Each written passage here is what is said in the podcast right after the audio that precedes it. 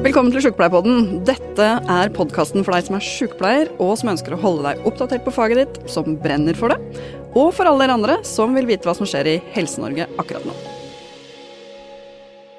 Hjertelig velkommen til en ny episode av uh, Sjukepleierpodden.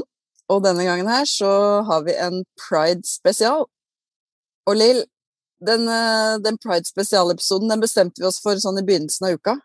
Så vi hev oss rundt vi trenger, å, uh, vi trenger å, diskutere det. det. det. er jo av og til litt krevende å diskutere pride. Vi snakker om det, hvordan, hvordan begreper, hva betyr det, uh, hva slags kunnskaper har vi om det, og ikke minst hvordan skal vi bruke det som sykepleiere i alle, alle lag, altså alle, alle, aldre og alle deler av folkene som bor over eh, hele, hele, hele verden, og selvfølgelig for vår del i Norge. Mm. Mm. Og så eh, i Oslo, da, hvor eh, hovedkontoret til Sykepleierforbundet er, så er det jo vanskelig å unngå å se at det er noe som er på gang, til tross eh, Altså nå er det jo koronarestriksjoner, men det er jo ganske litt sånn feststemning i byen. Regnbuefarger overalt, og god stemning. Og så tenker jeg at det er en glitrende anledning til å diskutere noe eh, viktig. Men som du sier, Lill, som vi trengte virkelig å liksom få inn litt ekstra kunnskap på. Og så hadde vi lest en artikkel som vi begynte å snakke om, hvor det sto at uh, eldre skeive gikk inn igjen i skapet når de fikk behov for uh, helsetjenester eller institusjonsplass. Og så tenkte jeg, ja, det, det, er en bra innfallsvinkel, fordi der, uh, vi har mange som jobber innenfor eldreomsorgen, og det er jo helt Altså, grunnleggende sykepleie er jo liksom at man skal møte mennesker som den man er. Og så vet vi noen ting om eh, tidsskriftet Sykepleien og ganske nylig hadde et sånt temahefte også som omhandla seksualitet. Mm. Eh, og seksualitet som et grunnleggende behov som sykepleiere, når du skal prioritere bort noe av ulike grunner, så blir det ofte prioritert bort. Og da kan du se at altså, en seksualitet innenfor um, Hvis du ikke passer innenfor boksen av en heterofilitet, så kan man da tenke at det i enda større grad um, blir vanskeligere å um, snakke om, om, de behovene man har. Mm. Mm. Og så fikk vi gode tips på kloke folk vi kunne invitere med oss med, som vi har lyst til å introdusere dere for nå. Og det første er eh, Åsmund Robert Wiik. Hjertelig velkommen, Åsmund. Takk for det. Det var noen som går på det du er primus motor bak, eh, nemlig Regnbuetreffet. Det skal du få fortelle mer om etterpå. Som er eh, gjester da, på Regnbuetreffet, som anbefalte å, å, snakke med deg. Og når vi begynte å google navnet ditt, så skjønte vi jo ganske fort hvorfor. Fordi du er jo en tydelig, uh, tydelig stemme for uh, skeives rettigheter, og en skikkelig sånn drivkraft bak dette regnbuetreffet for uh, eldre. Hva er det som gjør at du bruker tid på dette? Du kommer jo rett fra speakersuppa, har jeg skjønt? Ja, jeg gjør det. Jeg har vært på vakt på, i Pride Park i dag. Mm. Som frivillig. Var det gøy? Alltid gøy. Alltid gøy å se at folk hygger seg, at vi kan hjelpe til med det. Men, men, jeg har aldri vært eh, der, eh, Åsmund. Jeg har faktisk aldri vært, eh, jeg har ikke vært i Oslo når Pride-uka har vært. Så um, jeg håper at jeg får muligheten til å komme dit i morgen en, en tur. Men kan ikke du beskrive hvordan, hva er det som skjer i, på, spi, på hva du kaller det, Spikersuppa? Hører du? Nordlendingen. Ja. Fortell meg hva som skjer. Spikersuppa er den delen av byen. Det som skjer, er at det er fest, og det er aktivisme i skjønn forening.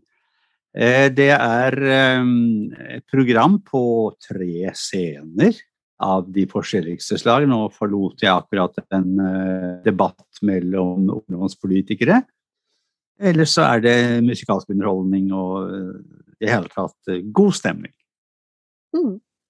De siste ti årene, Lill, så har jo Sykepleierforbundet vært uh, en tydelig markert pride, men før det så var det høy debatt i Sykepleierforbundet om det var riktig. Ja, det kan jeg godt tenke meg der også. Og så er det vel mm. NSF Oslo som har eh, sånn sett kjørt, eh, kjørt det for NSF da, som sådan, som er eh, på Eller? Det er NSF Oslo eh, som har gjort det i ganske mange år. Og så Trommekorpset, som mange har sett, eh, som pleier å gå i, i Pride-paraden, som jo er avlyst i år. Hvor vi har noen også fra det skeive miljøet, da, som er litt primus motorer, har vært inn i trommekorpset vårt òg. Som gjør at de har vært ekstra engasjert i det. Det er et mm. så flott innslag. All yes. ære. Det er veldig gøy. Jeg har vært så heldig at jeg har fått lov til å gå foran og bære fanen i noen av de Pride-paradene. Det har vært så kult.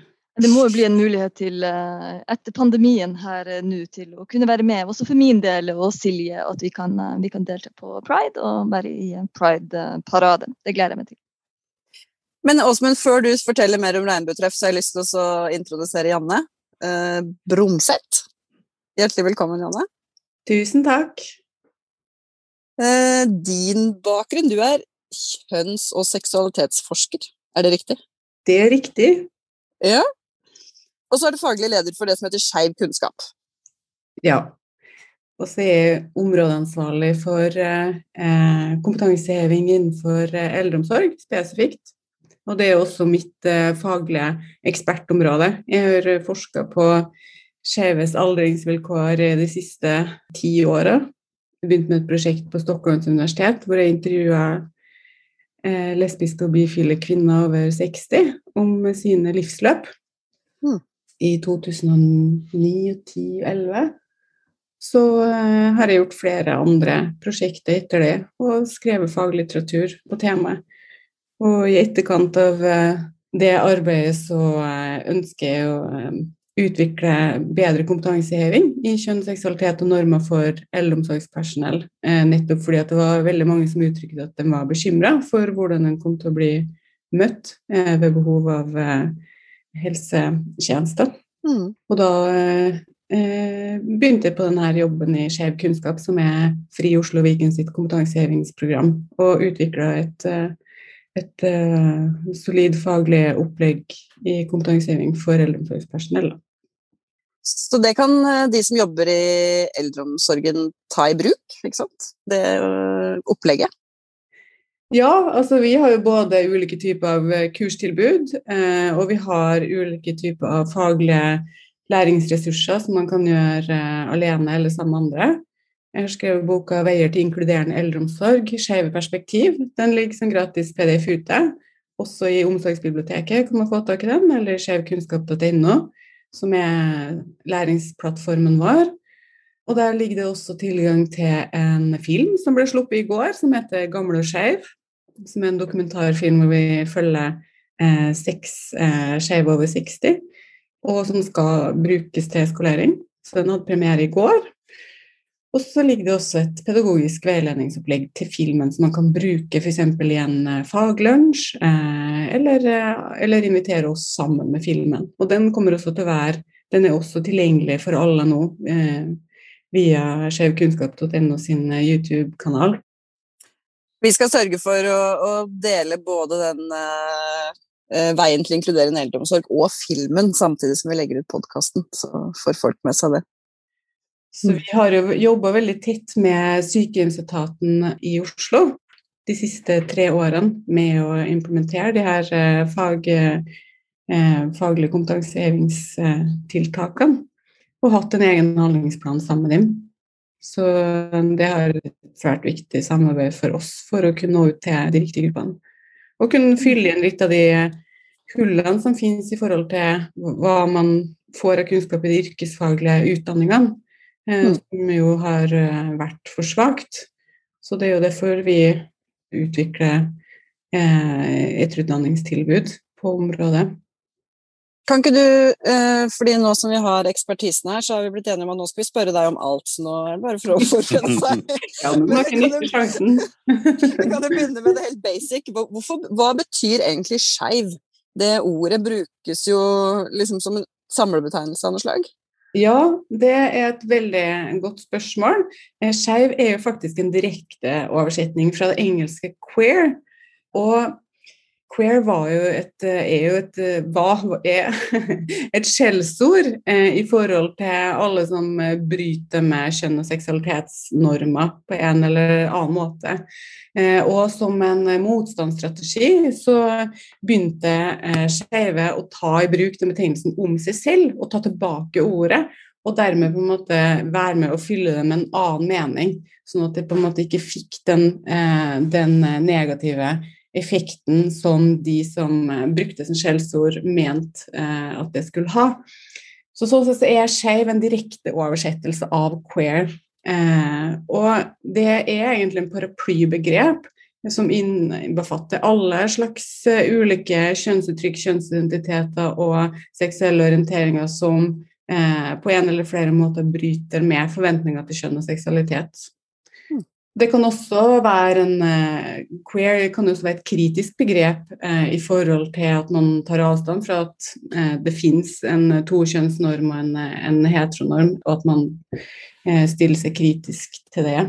Så, så at innenfor skeiv så finnes det jo et annet begrep som er veldig vanlig å bruke, det er jo LHBT-person. Ja. Eller LHBTI-person, som egentlig er det, eh, det offentlige begrepet som nå brukes bl.a. av eh, myndighetene. Og det står for lesbisk, eh, homofil, bifil, transperson og interkjønnperson. Mm. Ja. Så bra. Tusen takk. Da, da er vi det, det, var veldig oppklarende, faktisk. Og transperson er også et paraplybegrep. Eh, så det er ja. viktig å vite. Trans er liksom et samlebegrep for alle som på en eller annen måte ikke kjenner seg komfortabel med det skjønnet man blir tildelt ved fødsel. Eh, at man enten kjenner at man tilhører et annet kjønn, eh, eller at man tilhører eh, begge kjønn, eller ingen av kjønnene. Og man bruker å mm. dele opp i binære transpersoner, som er den som forholder seg til tokjønnsnormen. F.eks. jeg blir født som tildelt kjønnet gutt, men jeg vokser opp og kjenner som jente. Da er du en binær mm. transperson. Mens en ikke-binær transperson eh, har det ikke sånn.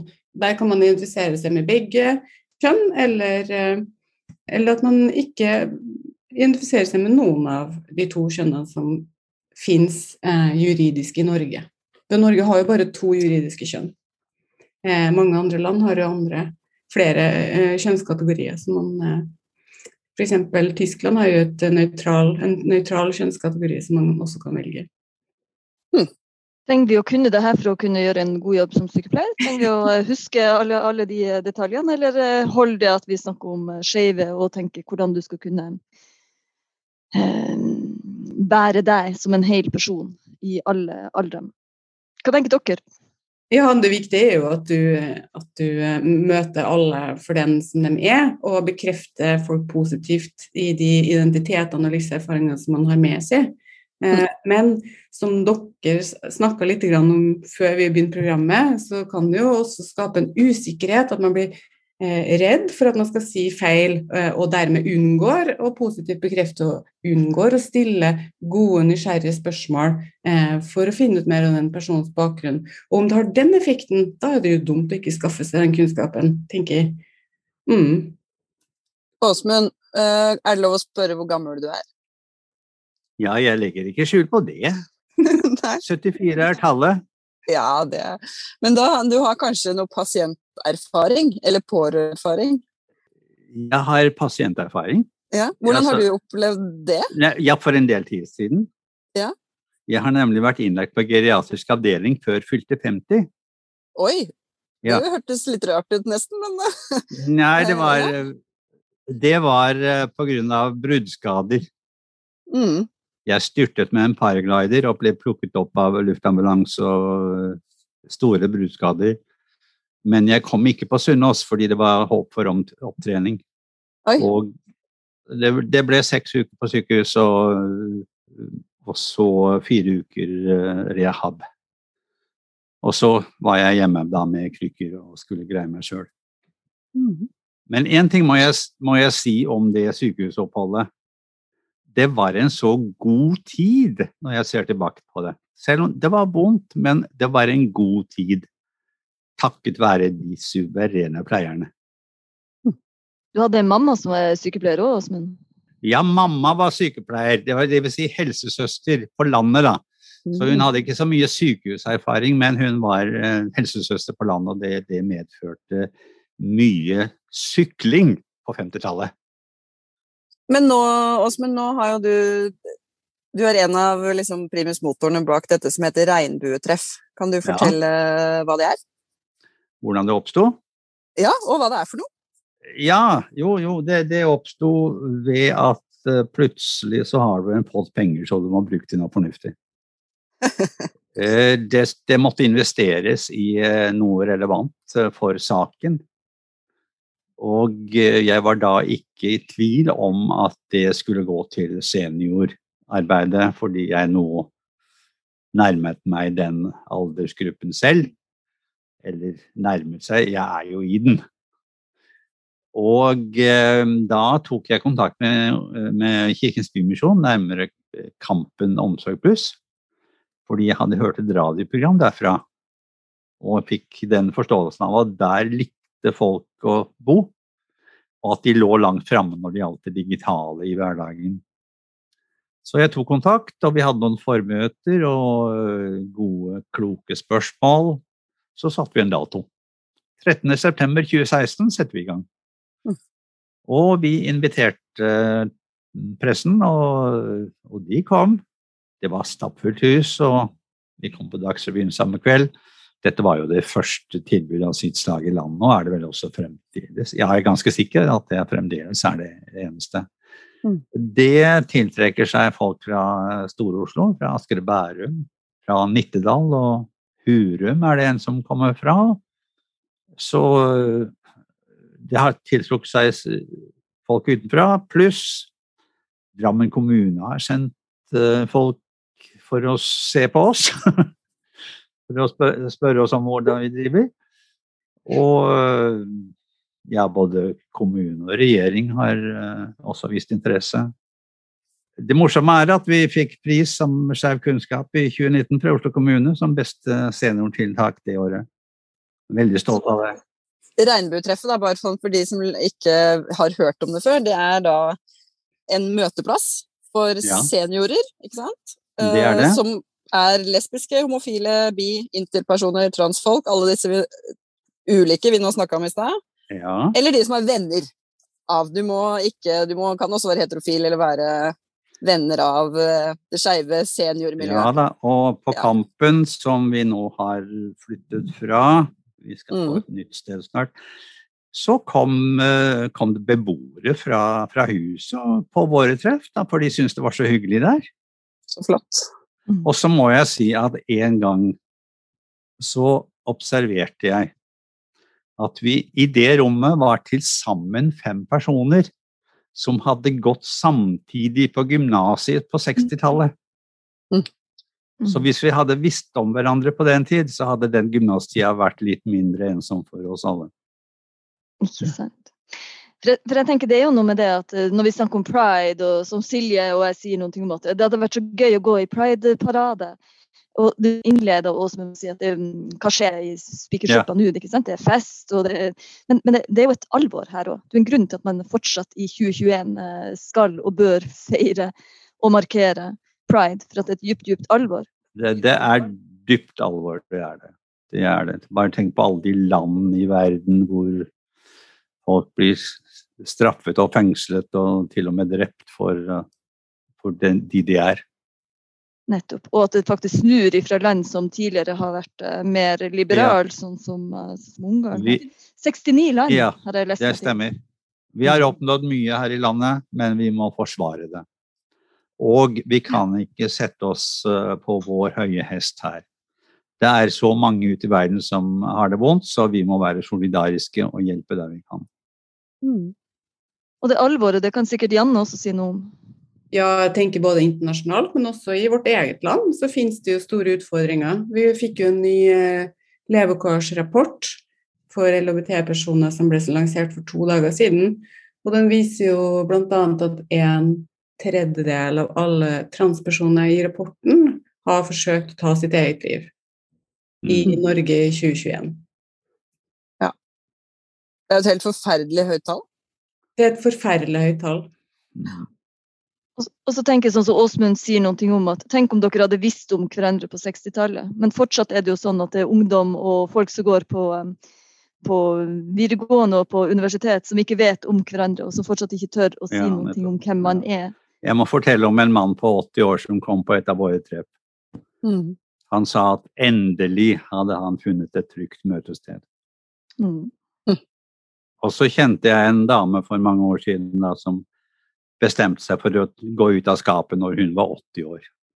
Så det er ikke for sent. Og hun insisterte på å gå paraden i byen med rullator, og hun gjennomførte, og Mm. det smilet etterpå. Ja, så flott. Ja. Og så er det jo noe, I fjor på denne tida Silje, så var vi jo i Bergen og avduka Art of Nursing-kunstverket Eldrebrølet. Og det sammenfalt jo, vi, vi dro det som en sånn Både det eldrebrølet med ressurser til helsetjenestene eh, ute, ute i kommunene, kanskje særskilt knytta til eldreomsorg, men også opp mot det å få lov til å være en hel person også når du blir gammel og kommer på sykehjem, f.eks. At vi vet om at en del som er skeiv, uh, syns det er vanskelig, eller vurderer hvordan vil det være når jeg eventuelt kommer på et sykehjem. Vil jeg fortsatt få lov til å være meg, sånn som jeg har levd? Eh, hva tenker dere om det? Hva tenker du om det, Åsmund? Få lov til å være hele meg. Mm. Ja, det vil jeg da insistere på. Jeg vil ikke legge skjul på noe. Jeg vil uh, forlange det, og, og jeg har godt håp om at det vil bli respektert. Nå har jeg for tiden den store glede å være medlem av Oslo sentrale eldreråd. Og der får vi vite om uh, mye, det meste som angår eldre i byen. Og der er mange gleder. Det må jeg bare understreke. Mm. Og en av de spesialoppgavene som jeg har fått nå, det er å, å være med i en uh, komité i kommunen som skal uh, beregne behovet for uh, helsepersonal i fremtiden. Mm, så bra. Eh, Janne, i den eh, veien til en inkluderende eldreomsorg, så sier jo du litt om hva som eller altså hva mangler, og hva som vi trenger for at vi faktisk skal bli inkluderende. For at vi faktisk skal kunne møte alle mennesker eh, som hele mennesker. Hvis du liksom skulle gitt noen korte sånne ja, Hva er det viktigste som vi eh, Hva slags kunnskap bør vi hente som sykepleiere for å møte alle der de er? Ja, eh, det viktigste er at det kommer nok kunnskap i fagutdanningene, tenker jeg. Mm. Eh, I forhold til ulike typer av minoritetserfaringer eh, som har preget livsløpet, og hva det kan innebære eh, i eldre alder. Men eh, når det er sagt, så er det jo bevisstheten om at du, du vet ingenting om den du møter, men du må jo skape en eh, en uh, empatisk kommunikasjon som aktivt inviterer til å fortelle også erfaringer som du ikke nødvendigvis har delt med så mange, og at det er trygt og bra. Og da må du signalisere det på ulike måter. Det kan du gjøre både i det fysiske miljøet, om det er på institusjon, så har du jo veldig mange virkemidler. Du kan vise det gjennom regnbueflagg, og ha det godt synlig, f.eks. på kontoret eller i inngangspartiet. Du kan eh, tenke på hvordan du representerer brukere og pasienter på hjemmesider og i brosjyrer. I kunsten som er på veggen, i litteraturen som er hylla på biblioteket, i filmene som blir vist på kulturkveld. Også, du har veldig mange virkemidler for å ha god representasjon av ulike livsløpserfaringer som også inkluderer minoritetspersoner. Og når jeg sier minoritetspersoner, så mener jeg alle ulike typer minoriteter. Vi bruker ofte det begrepet om etnisk minoritetsbakgrunn, men, men ja, også i forhold til kjønn og seksualitet så kan vi bruke det begrepet. Så representasjon er viktig, og det signaliserer at her har vi tenkt noen ting. Vi tenker at vi skal møte alle mulige slags mennesker med forskjellige erfaringer. Og så handler det om hvordan du også stiller spørsmål, og hvilket språk eh, du bruker. Eh, fordi at eh, selv om vi begynner å ha gode skjema nå i forhold til innkomstsamtale og livskartlegging, det har blitt et mye bedre inkluderende språk der gjennom revisjoner. Eh, men hva gjør folk i praksis om man kjenner seg litt utrygg? Vil man stille spørsmål på den måten eller ikke?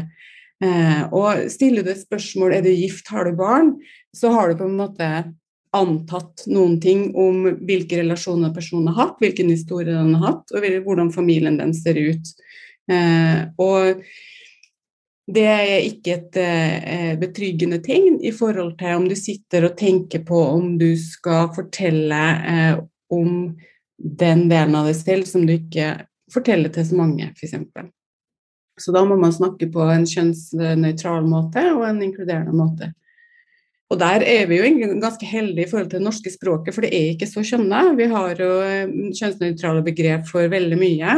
Vi kan si partner, vi kan si kjæreste, vi kan si Altså vi kan virkelig eh, bruke et språk som er veldig inkluderende.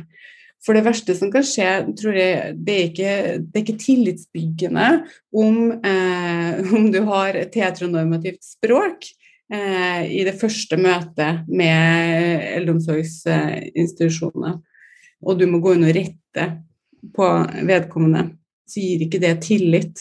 Og vi vet at eh, gjennom eh, altså Mønsteret i internasjonal forskning er jo at eh, det er mange som ikke har tillit til at eldreomsorgsinstitusjoner eh, skal ha kunnskap om det livsløpet man har hatt, og at man kommer til å bli møtt med positive holdninger.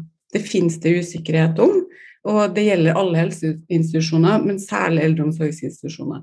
Og da tenker jeg at eh, siden tilliten er lav, så må man jobbe aktivt for å bygge den opp. Og det er det man gjør gjennom å skape både en fysisk og språklig univers som gjør at man kjenner seg tiltalt og inkludert. Min øh, Dette er jo helt sikkert ulikt, men jeg har opplevd noen ganger at øh, noen eldre skeive har levd et veldig sånn et liv hvor de ikke har vært veldig åpne om at de f.eks. har hatt en, øh, en ja, jeg husker jeg hadde han hadde en kvinnelig pasient som hadde en kvinnelig partner, og det tok faktisk flere år før vi skjønte at de faktisk var kjærester og hadde vært det hele livet. fordi at uh, Helt sikkert hvordan man spurte om det, uh, som Janne sier, men også fordi at de, altså de, de var så vant med at det var bare ikke noe de skulle fortelle om. Mm. Og tenk om vi hadde klart å liksom hatt som du sier, da, Janne, vært så inkluderende at kanskje flere kunne sagt sånn som de du fortalte om i stad, Åsmund, at du sier det sånn når jeg er 80, da skal, jeg, liksom, da skal jeg fortelle det, da skal jeg mm. virkelig, da skal jeg leve ut den jeg er. Eller er det også bare at noen må, må respektere at noen har ikke lyst til det? Min generasjon uh, var jo preget av en oppvekst hvor dette var fy. Mm. Det, var, uh, det var farlig en kunne miste både jobb og bolig hvis det kom fram hvem en egentlig var. Mm. Og derfor så var det så mye hemmeligheter. Og da jeg kom inn i bevegelsen i 1968, så var det etter en grundig sikkerhetssjekk, for de skulle vite om at jeg kunne holde kjeft og være diskré. Og, og, jeg vet det var et, et, medlem som rett og slett ble ekskludert fordi han var for åpen om seg selv. Mm. Ja. Dette var 60-tallet. Ikke sant. Ja. Så det sitter igjen dypt hos noen fra den generasjonen. Mm. Hva tenker du, Lill? Jeg er fortsatt på litt sånn leiting etter um, hva vi kan gjøre hvis man skulle gi tips og råd til, uh, til sykepleiere. Uh, Janne har vært inne på dem. Mm. De fleste av oss tenker Vi går ikke rundt vi går ikke rundt og tenker på um, den andre personen du møter sin seksuelle legning, egentlig i utgangspunktet. Jeg gjør jo ikke det, de fleste gjør jo ikke det. Eh, og så har vi jo en, en, en, det som blir regna som liksom hoveddelen av mennesker som havner innenfor én boks, som vi da regner som det såkalte normale. Men så er det jo også en sånn diskusjon om må vi ha sant, For å kunne møte folk der de er, må vi kunne Det er egentlig litt det som jeg sa i sted, Janne, må vi kunne alle alle de begrepene og hva som ligger innenfor det, eller ja, handler det ikke om å møte folk der de er egentlig uavhengig av uh, legning, eller uavhengig, men nettopp med de åpne spørsmålene. Men så satt jeg og tenkte på hva er det i så fall i språket vårt som lukker ned, som skaper problemer. For det er jo ofte det at når vi, når vi har en norm som vi regner som normalt, altså det som er liksom, så, så vet vi ikke engang om det, at det lukker. Og det å snakke om et åpent språk eller et, at man skal møte folk der de er, det blir likevel bare ord, for vi vet ikke engang om hva det er som kan skape problemene. Nei, og det er det jeg tenker er veldig viktig å ha en bevissthet om. Da. At eh, normene preger oss eh, i forhold til hvordan vi sorterer mennesker, eh, og hva vi forventer oss av dem. Eh, og da er det viktig å ha en bevissthet om at vi preges av at det finnes en heteronorm. Vi forventer at folk er heterofile, og vi forventer at man har en uh, cis-normativ kjønn, altså en kjønnsidentitet. At det, det kjønnet vi ble tildelt ved fødsel, er også det kjønnet som vi fortsatt har. Det forventer vi, og at det er enten menn eller kvinner. Sånn at man må ha en bevissthet om at den normen fins for å kunne endre den. Ellers så går jo ikke det. Eh, så, så, da må jeg tenke at liksom Jeg vil også møte dem som bryter med de her normene, og forventningene eh, på en like god måte. Så da må jeg tenke hvordan kan jeg stille spørsmål som gjør at alle kjenner seg eh, inkludert. Eh, og da handler det ikke om at man skal kunne alle hele bokstavrekka og liksom hva det betyr, men, men du skal ha i hodet ditt at denne personen kan ha en eh, partner av samme kjønn. Denne personen eh, kan ha erfaringer med å ha en annen eh, kjønnsidentitet enn det som den har juridisk, og hva det faktisk innebærer. Det, det må man faktisk lære seg. Mener. Det er jo ikke at du skal vite hva det betyr å være lesbisk, fordi at det betyr jo forskjellige ting. Sant? Og det er, handler jo om det åpne igjen, om du forteller meg ja, eh, ja den er vanskelig å si. Jeg er faktisk lesbisk. Ja, takk for at du forteller meg det. Eh, for det er jo en tillitserklæring for mange. Takk for at du forteller meg. Hva, hva betyr det for deg? Og hvordan er det relevant for den omsorgen som vi kan gi deg? Da mm. har du på en måte spilt den tilbake og la personen fylle det med innhold. Men du kan jo ikke gjøre det på en trygg måte om du ikke aldri har hørt ordet lesbisk før, eller hva det faktisk kan innebære. da. Og det, er det på en måte kommer litt tilbake til at i den empatiske kommunikasjonen så krever jo den en trygghet av det for at du skal tørre å gå i møte. Fordi at det som gjør, mange gjør, det er jo å stenge av da, at det ikke blir oppfølgingsspørsmål eller positiv bekreftelse. Og det bidrar jo til en videre taushet og en usynliggjøring. Og det er nesten den vanligste formen for eh, negative reaksjoner på en normbrytende identitet som vi ser i dag. Jeg, jeg, hadde faktisk et intervju med en, eh, en, kvinne som, eh, en lesbisk kvinne som eh, skulle få trygghetsalarm, og hadde første gang, besøk fra hjemmesykepleien. Og så var kona hennes hjemme, og de stilte ikke et eneste spørsmål om hvilken relasjon de hadde. Jeg hm. syntes det var så rart kommer inn og hilser, og hilser på kona. Og du òg, ja, men hvor lenge har dere bodd sammen? Og liksom, så gjør man den positive bekreftelsen er mm. like viktig som fraværet av negative eh. Nei, så det er ikke like viktig, men, men, det å inkludere handler ikke bare om fravær av negative reaksjoner, det handler om aktiv bekreftelse på den som du er, og hvor du lever. Så liksom, det er sånn, synes jeg, et sånn godt eksempel da, hvor jeg tenker at de sikkert kjenner seg utrygge og ikke ville spørre, det her er for privat, å, jeg tør ikke å stille noe mer spørsmål, så blir det stille, ikke sant. Så om de hadde forventa seg det, så, så, hadde de eh, liksom kanskje også kunne sagt gått videre og vært trygg og, og vært positivt mm. nysgjerrig. Da. Mm. Og jeg tenker Det er jo akkurat noe med det som egentlig ligger i sykepleien sin grunnfilosofi. Det å møte mennesket med en oppmerksomhet på hele delen av mennesket og de erfarne livs, livsverden, som det kalles så fint. Altså de livserfaringene man har med seg, og hvordan det kan være med på å påvirke mestring og behovene man har når man er i en sykdom, for å klare å, å forebygge sykdom, og ikke minst også sørge for tilheling av, av kropp og, og sjel i sånn måte. Det gjelder uansett om det er legning, eller om det er språk, eller etnisk tilhørighet eller klasse. Altså, eller hvor du Altså de erfaringene du har med deg i livet. Så den oppmerksomheten som jeg tenker er vesentlig i de, i de møtene. Og så er det et eller annet med språket, som du er inne på. Det med, det med at vi må prøve å ha et kjønnsnøytralt i alle fall, eh, eller språk. Som, men så har jeg også tenkt at det kan ikke bli sånn at, at vi blir redd for å spørre. Den varheten eller den oppmerksomheten må jo også være på at oi, det, jeg ser at det er et eller annet som du kanskje har lyst til å si, eller sa jeg noe nå som ble feil? Sånn som vi vil forhåpentligvis gjøre med de fleste pasientene våre, hvis vi bare har rammebetingelser og tid til å jobbe på den måten. Det er sånn vi ønsker å jobbe. Jeg er veldig redd også hvis for jeg har vært i noen sånne type diskusjoner i alle fall tidlig. Jeg møtte en på en flyplass en gang og satt og prata om det her. Og var veldig opptatt av at vi måtte huske på alle de her. Og jeg klarer ikke å huske på alle eh, altså Du sa om det binær, og, og da ramler jeg ut. Men så tenker jeg at det er kanskje heller ikke egentlig det viktigste. Nei, det er ikke det viktigste. Absolutt ikke.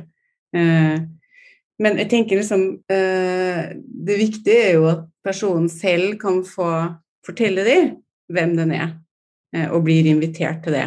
Og hva det betyr for den, og hvordan man tenker at det har en betydning for den hjelpa som du skal gi. Men er vi veldig dårlige på dette her? For altså jeg tenker at det, det, vi løfter fram, altså det du løfter fram, Janne, med empatisk kommunikasjon, og som Lill sier, vi skal se hele mennesket og dens livsverden, og dette er jo så grunnleggende sykepleie, men allikevel så viser forskninga at så mange eldre da velger å gå tilbake inn i skapet, for å bruke det uttrykket, og ikke tørre å, å fortelle om sin egen identitet når de kommer i institusjon, f.eks. Det må jo bety at vi er dårlige på det. Eller altså, hva er din Du som har eh, sikkert en god del eldre venner, da, Åsmund, hva er din erfaring med dette fra de du kjenner? Kjenner du deg igjen i det? At de blir møtt uh, på en vrang måte, da, for å si det sånn? Jeg har ikke mange eksempler på, på dårlige opplevelser. Nei, jeg har ikke det. Så bra. Nei. Ehm, det jeg har hørt om, er eh, derimot de som er hjemme og mottar hjemmehjelp av forskjellige mennesker gang på gang. Mm. Og at de gir opp å forholde seg til hver enkelt ny person. Ja. Og f.eks. Kan, kan snu bildet av kjæresten til å liksom hindre Avskjære mm. kontakt. Uh, ja. Ikke sant da jeg var på sykehuset, så eh, fikk jeg besøk av en student på rommet. Og der var det tydelig en del av et opplegg om å tilpasse pleien til den enkelte, enkelte menneske. Eh, men de kom aldri inn på eh, så personlige ting som legningen og sånn. Men det var, det var tydelig en, eh, Jeg tolket det som en begynnelse på noe innen utdannelsen. Det er kanskje blitt mye bedre nå? Jeg vet ikke, for det sier du Janne, at det er veldig viktig hva man lærer på utdannelsen. Uh, Lill, du kom, jo, du kom jo rett fra stilling som førsteamanuensis på UiT før du ble forbundsleder. Hva syns du at vi var gode nok på det? veldig lite om uh, seksualitet egentlig i det hele tatt i en bachelorutdanning. Og det er jo noe med at det er bare, bare tre år, og det er veldig mye som skal inn i det. Men ja. vi, vi, har jo det som en, en, eh, tematikk på noen av temaene, men så prøver man heller å trekke det med inn i de praksisene. Og det er sikkert det, Åsmund, som du også har vært utsatt for en student som skal holde, holde, kanskje en innkomstsamtale eller skal prøve å bli kjent med deg ut ifra et system. Men seksualitet er jo det vi ser, også ut ifra forskning, at det, er, altså det står som ikke sant, vi skal sjekke grunnleggende behov nedover. Men seksualitet, det spørsmålet blir sjelden stilt. Mm. Så det er noe som vi har fra egen sykepleierutøvelse, og det er noe som vi, mange av oss lærere også tok med oss inn i når vi skal hjelpe studentene å reflektere rundt tematikker med, med, studentene om det de opplever i praksis. Så fortsatt, her for to-tre år siden da jeg jobba som lærer, så var det tydeligvis sånn at um, når du har en pasient som er innlagt, og så gir du en rapport, og så gir du rapport om at ja, de uh, litt dårlig uh, pust, og uh, hjertet går litt fort, altså puls og saturasjon, og så er de homofile. Altså, det blir liksom hengende på en på en sånn altså, og så kan man stille spørsmål hvorfor gir man rapport om at noen er homofil? Altså, but why? Du gjør jo aldri det med noen som er heterofil, og så sier du by the way Nei, det er jo ingen sykdomstilstand. Men samtidig så er det Jeg satt og tenkte på når Janne prata i sted, om det likevel kan være et behov for å si noen ting om det for at man faktisk skal være Burde man si det faktisk om heterofile altså, burde man ha det som en greie at man faktisk diskuterer seksualitet også på rapportene, for at man i alle fall skal være oppmerksom på nettopp språket man benytter. Mm. Og at det kan gi en anledning til å prate om det som vi gjør her nå. For det er ingen anledning ellers. Det er veldig lite av det i studiet, og det er veldig lite rom for det i, i jobben til vanlig. Mm. Janne? Ja, altså Jeg tenker jo at det, egentlig, det handler jo om at det ikke er noe som er på sida av noen ting. Det er jo noe som berører grunnleggende identiteter, hvordan man har levd livet sitt, hvilke relasjoner man har, og hvilke erfaringer man har hatt gjennom et livsløp. Eh, og det som er veldig spesifikt med den eldre generasjonen skeive, er jo nettopp at man har levd gjennom så store samfunnsforandringer eh, hvor Eh, hvor eh, relasjoner, forhold til jobb altså Det er veldig mye som kan bli påvirka gjennom livsløpet. Eh, det kunne ha blitt brudd i relasjon til familiemedlemmer. Mm. De aller fleste, altså Majoriteten har ikke egne voksne barn, f.eks. Mange har utforma egne valgte familier ut ifra hvem som på en måte positivt bekrefter dem, som er de viktigste relasjonene. Venner og partner er de viktigste relasjonene, og dem som man eh, faktisk venner seg til ved behov av hjelp. Sånn at det er faktisk noen sånne spesifikke eh, livsløpserfaringer da, som på en måte har noen sånne mønster som skiller seg litt fra den heterofile majoriteten. Og det kan jo være kjekt å vite noen ting om. Eh, men, men, det er jo ikke noe som er på sida av noen ting. Det er jo integrert i, i hvor, Ja, det er jo integrert i, i livssituasjoner og eh, relasjonsnettverk. Og det viktige er vel liksom at man bruker tiltale som inkluderer alle. Og ikke gjøre det er jo å ekskludere, mm. faktisk. Eh, og så er det jo opp til den personen sjøl. Syns den personen at det skal stå i rapporten? Det må jo den personen bestemme selv. Eh, også i forhold til hvordan er det relevant for den personen at den er homofil. Var det noe som ble fortalt i fortrolighet? Liksom, det må jo på en måte åpnes opp. Da. Hva, hva betyr det her eh, for oss? Eh, hvordan vil personen at vi skal liksom Er det noe spesifikt som vi må tenke på i forhold til det? Mm. Og så kan det jo også liksom i en større sammenheng så kan det jo også handle om f.eks. at Tenk deg Åsmund, sitter du på, eh, på, sykehjemmet, så er det ingen som tør å snakke om at du har vært med på 14 000 pride-sammenhenger. Og syns at det er gøy å gjøre om det, for det handler også om å få bekrefta de andre erfaringer som vi kanskje har med oss da, eh, i forhold til livsløp. Eh, og at det ikke blir stille når, eh, når man faktisk kommer med en sånn erfaring. Om jeg forteller om pride til mora mi, så begynner hun å snakke om natt. Eller hun stiller aldri et spørsmål om de tingene som jeg gjør i tilknytning til det seminaret og alt sånt der. Og det er jeg så vant til, men det er jo ikke noe hyggelig. Man vil jo helst at folk skal være interessert i det som man har vært med om. Så det er jo Selvfølgelig. Ja, så sånn sett, eh, det må man se ganske stort på det.